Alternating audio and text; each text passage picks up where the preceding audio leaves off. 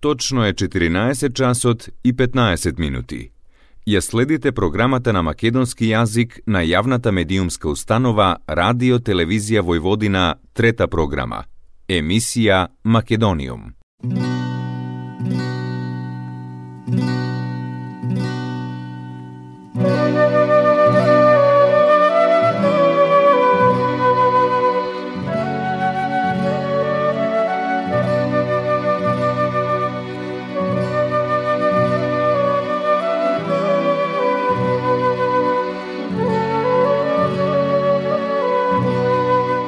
Македонијум.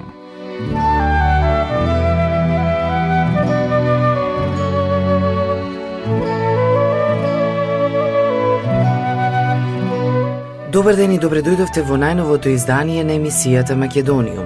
Со вас, почитувани слушатели, е вашиот уредник и водител Јулијана Милутиновиќ, секоја среда со почеток во 14 часот и 15 минути на фреквенцијата на третата програма на радиото при Радио Телевизија Војводина, Радио Нови Сад.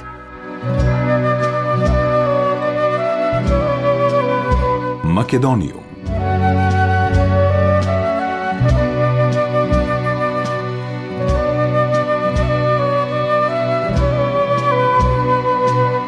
На вчерашната 54-та седница на владата, министрите во Република Северна Македонија го разгледаа и утврдија предлог законот за ратификација на спогодбата меѓу владите на Северна Македонија и Србија за основање културно-информативни центри во Белград и во Скопје.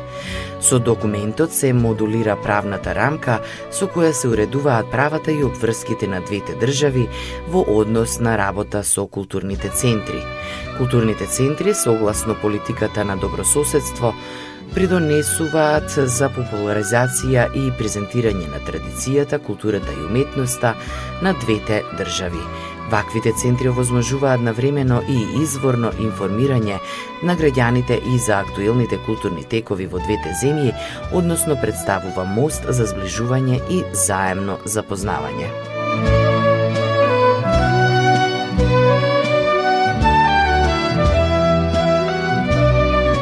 Македониум.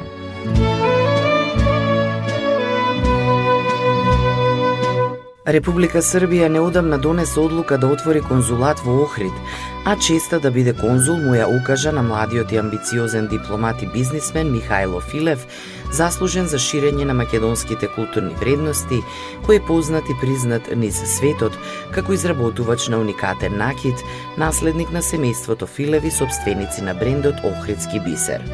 Филев, освен со досегашната титула добиена од македонските граѓани, како амбасадор на македонските традиционални вредности, се закити и со нова, па сега го викаат Мишо, нашиот бисерен конзул. Љубовта кон занаетот почнал да ја покажува уште во својата рана младост, додека ги гледал своите најблиски како го прават охридскиот бисер, а првиот гердан со своји раце го изработил на 17 години, со помош на својата баба Славјанка Филева. Сега како почесен конзул на Србија, дипломатот Филев порачува да ги отвориме границите за сите видови соработка и да градиме заедничка иднина на Балканот за идните генерации, бидејќи само така може да се надминат сите предизвици со кои се соочуваме. Пред се ќе ја презентираме културата на македонскиот и српскиот народ, а ќе работиме и на заеднички проекти за развој на бизнисот. Тоа ќе биде мост кој е цврсто граден во минатото и кој ќе значи многу за еднината, но и за односите на нашите два народи рече почесниот конзул на Република Србија во Охрид Михајло Филев во гостувањето во емисијата Два напладне на Охрид Ньюс. Отворањето на дипломатското представништво на Република Србија во Охрид е значаен момент за целиот регион, додаде Филев, кој најави дека активно ќе се ангажира за новата јавна функција во насока на подобрување на соработката помеѓу двете соседни земји.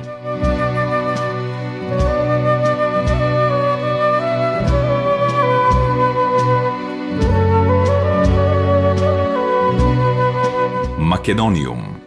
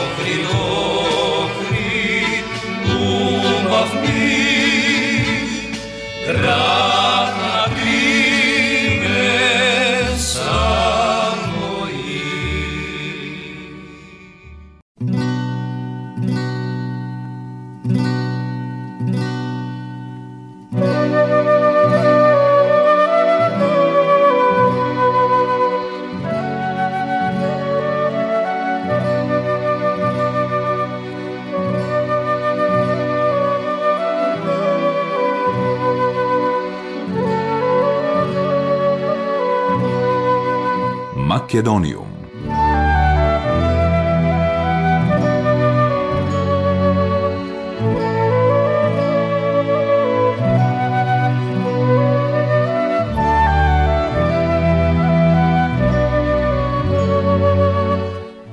Со отворениот Едриличарски ден во организација на Едриличарската федерација во склоп на проектот Запознај го едрењето, заштити го езерото, финансиран од делегацијата на Европската Унија во Република Северна Македонија, во рамките на кои беа овозможени бесплатни три тури со едрилици по Охридско езеро, вчера беше одбележен денот на Охридското езеро 21 јуни.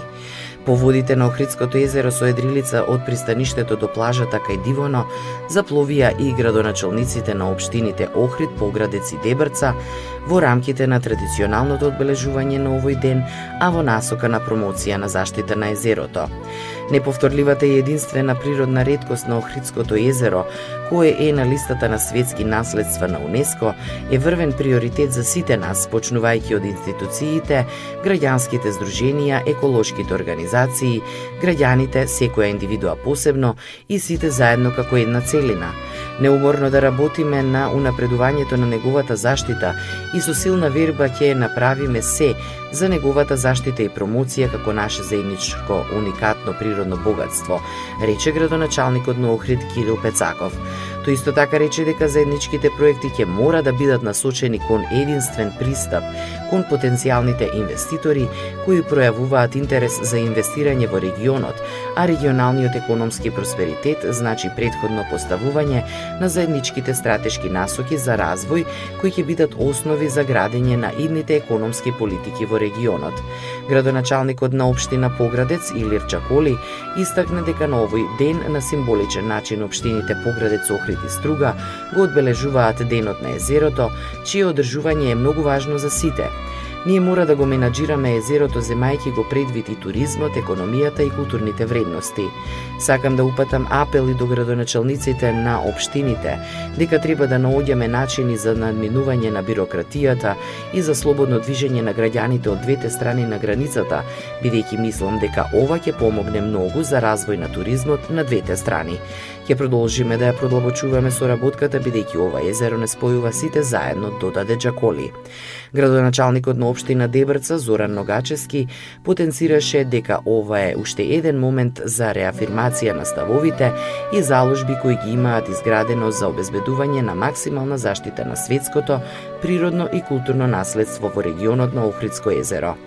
Целта на вчерашната активност беше и граѓаните да се запознаат со идрилиците како еколошки пловни објекти кои не загадуваат. Во вечерните часови програмата проложи во црквата Света Софија, каде солистички концерт одржа пианистот Александар Јаковлев. Носители на настанот се Обштина Охрид, Обштина Поградец, Обштина Струга, невладини организации од трите градови во соработка со Комисијата за одбележување празници и манифестации и доделување награди и признанија.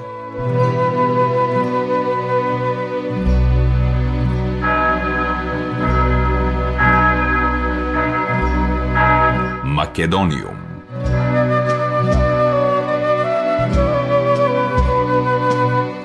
Стандардот на граѓаните на Северна Македонија минатата 2021 бил нешто подобар во однос на една година предходно, но и натаму значајно заостанува зад просекот на Европската Унија, покажуваат процените што ги објави Европскиот завод за статистика Евростат.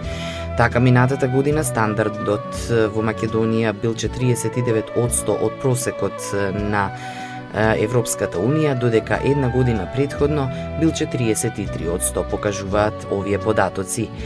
Истите покажуваат дека Македонија е и натаму е на самото дно според стандардот меѓу земите во Европа. Полош стандард од македонскиот имаат граѓаните на Босна и Херцеговина, каде што нивото е 41% од европскиот просек и на Албанија која е најлоша со 39%. Стандардот во Србија е 52% од просекот на Европската Унија, Бугарија 63%, најниско меѓу земите членки на Европската Унија, а во Хрватска 73%. Косово не е опфатено во податоците на Евростат.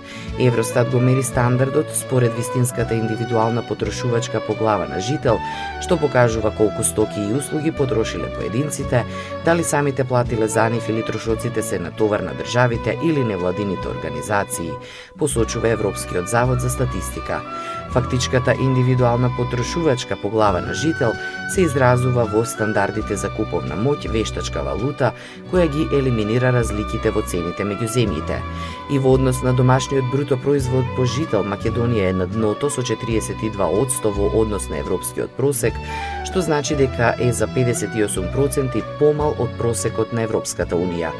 И тука е Македонија нешто подобра од Албанија, каде што БДП по жител е за 68% под просекот на Европската Унија и Босна и Херцеговина со 67% под ЕУ просекот. Подобри од Македонија се Србија, која е 56% под просекот на Европската Унија според БДП по жител, Црнагора со 53% и Турција, каде што БДП по жител е 36% под просекот на Европската Унија. Во Европската Унија нема промени и минатата година Луксембург ја потврди својата позиција како земја со највисок БДП по глава на жител, повеќе од 2,5 пати повисок од просекот. Македониум.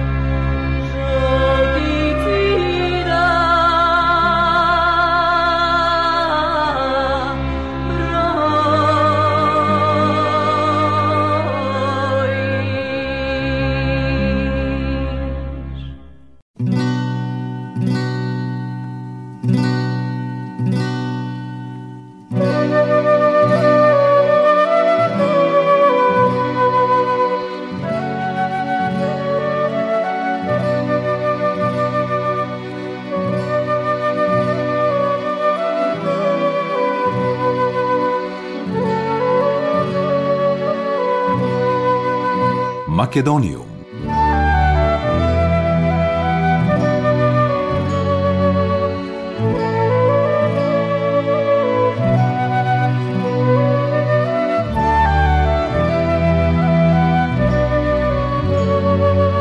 Бугарската агенција БГНС, која често ги одсликува ставовите на официјална Софија во спорот со Македонија, објави протокол, односно детали од францускиот предлог за решавање на спорот меѓу двете земји. Во него стои врската за вметнување на бугарите во Уставот, откажување од македонското малцинство и заедничко чествување на историски личности за кои согласност ќе постигне историската комисија. На документот како што пренесува агенцијата се работело на почеток на месец јуни. Еден дел бил преглед на досега сработеното, а во вториот за тоа што треба да се направи во иднина. Барањата биле поделени во две фази, краткорочни и долгорочни, пишува бугарската БГНС. Во документот се прецизира дека договореното од историчарите треба да се спроведе во пракса. Како пример е даден цар Самуил и се вели дека треба да се променат спомениците кои го носат неговото име како и надписот на Самуиловата тврдина во Охрид. Не се споменуваат Гоце Делчев, филинденското востание и историското ВМРО. Од македонското МНР се уште нема појаснување, потврда или демант на оваа содржина.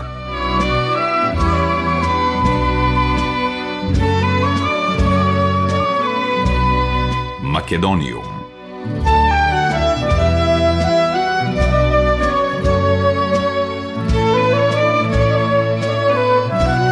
Бугарското собрание денес ке разговара за францускиот предлог за тргање на ветото за македонските евроинтеграции, а македонската влада денеска ќе соопшти дали премиерот Димитар Ковачевски ќе оди на самитот во Брисел. Денес се очекува и одлука дали на самитот ќе присуствуваат лидерите и на Србија и Албанија. Ова се случува во момент на голема неизвестност за евроинтеграциите на Западен Балкан. Представниците на Европската Унија кои го организираат самитот во Брисел била дека очекуваат сите поканети да учествуваат на овој состанок. Денеска ќе се знае дали премиерот Димитар Ковачевски ќе присуствува на овој самит, кој на Фейсбук напиша дека лидерите на Отворен Балкан вчера одржале вонреден состанок преку видеоврска и разговарале за националните позиции на секоја од земјите, регионалните перспективи, како и за динамиката на евроинтеграцијскиот процес. Се согласивме дека по дополнителни интерни консултации утре предпладна ќе ја донесеме финалната одлука за нашето учество на ЕУ Западен Балкан, самитот во Брисел, напиша премиерот Ковачевски на Фейсбук вчера. Предходно председателот на Србија Александар Вучиќ на Инстаграм напиша дека разговарал со премиерите на Македонија и на Албанија, Димитар Ковачевски и Еди Рама и дека се договориле по консултациите со владите и советниците денес да објават дали ќе присуствуваат на самитот. Заедно се бориме за јасна перспектива на Западен Балкан, за уште поголема соработка и подобро поврзување, додава Вучиќ. Албанскиот премиер Еди Рама вчера попладне на Твитер напиша дека имал долг разговор со лидерите на Македонија и Србија за овој самит. Се чини дека уште едно неизвинете ќе биде она што ќе го слушнеме накрај. Целата Унија киднапирана од Бугарија не е добар спектакл за гледање. Што да правам таму? напиша Рама на Твитер. Представниците на Европската Унија кои го организираат самитот во Брисел за Радио Слободна Европа на македонски јазик велат дека очекуваат сите поканети да учествуваат на состанокот. Лидерите на шесте земји од Западен Балкан се поканети да присуствуваат на самитот на Европската Унија, закажан за четврток и петок.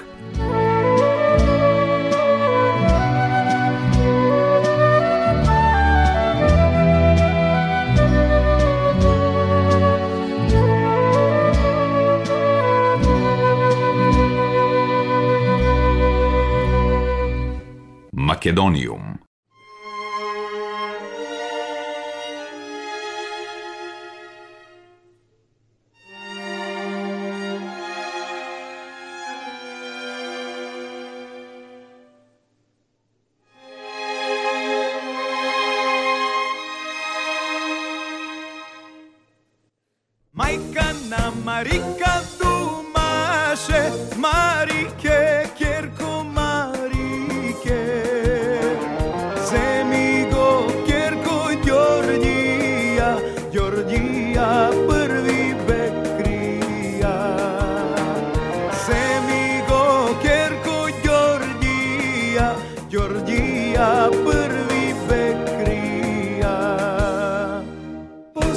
kuća Marika majka si Zede go Đorđi Bekrija Đorđina Marika tumaše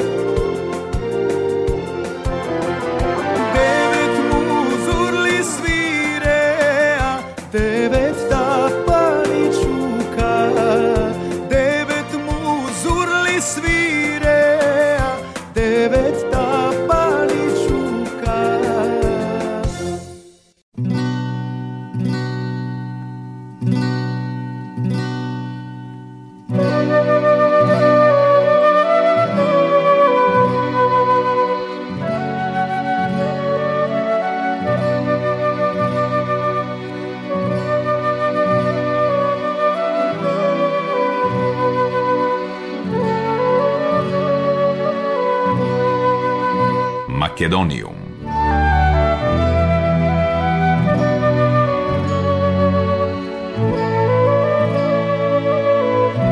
Почитувани слушатели, тоа беше се во денешното издание на емисијата Македониум. До следната среда во исто време, срдечен и голем поздрав од вашиот уредник и водител Јулијана Милутиновиќ. Ја следевте програмата на македонски јазик, емисија Македониум. Главен и одговорен уредник Vojin Popović.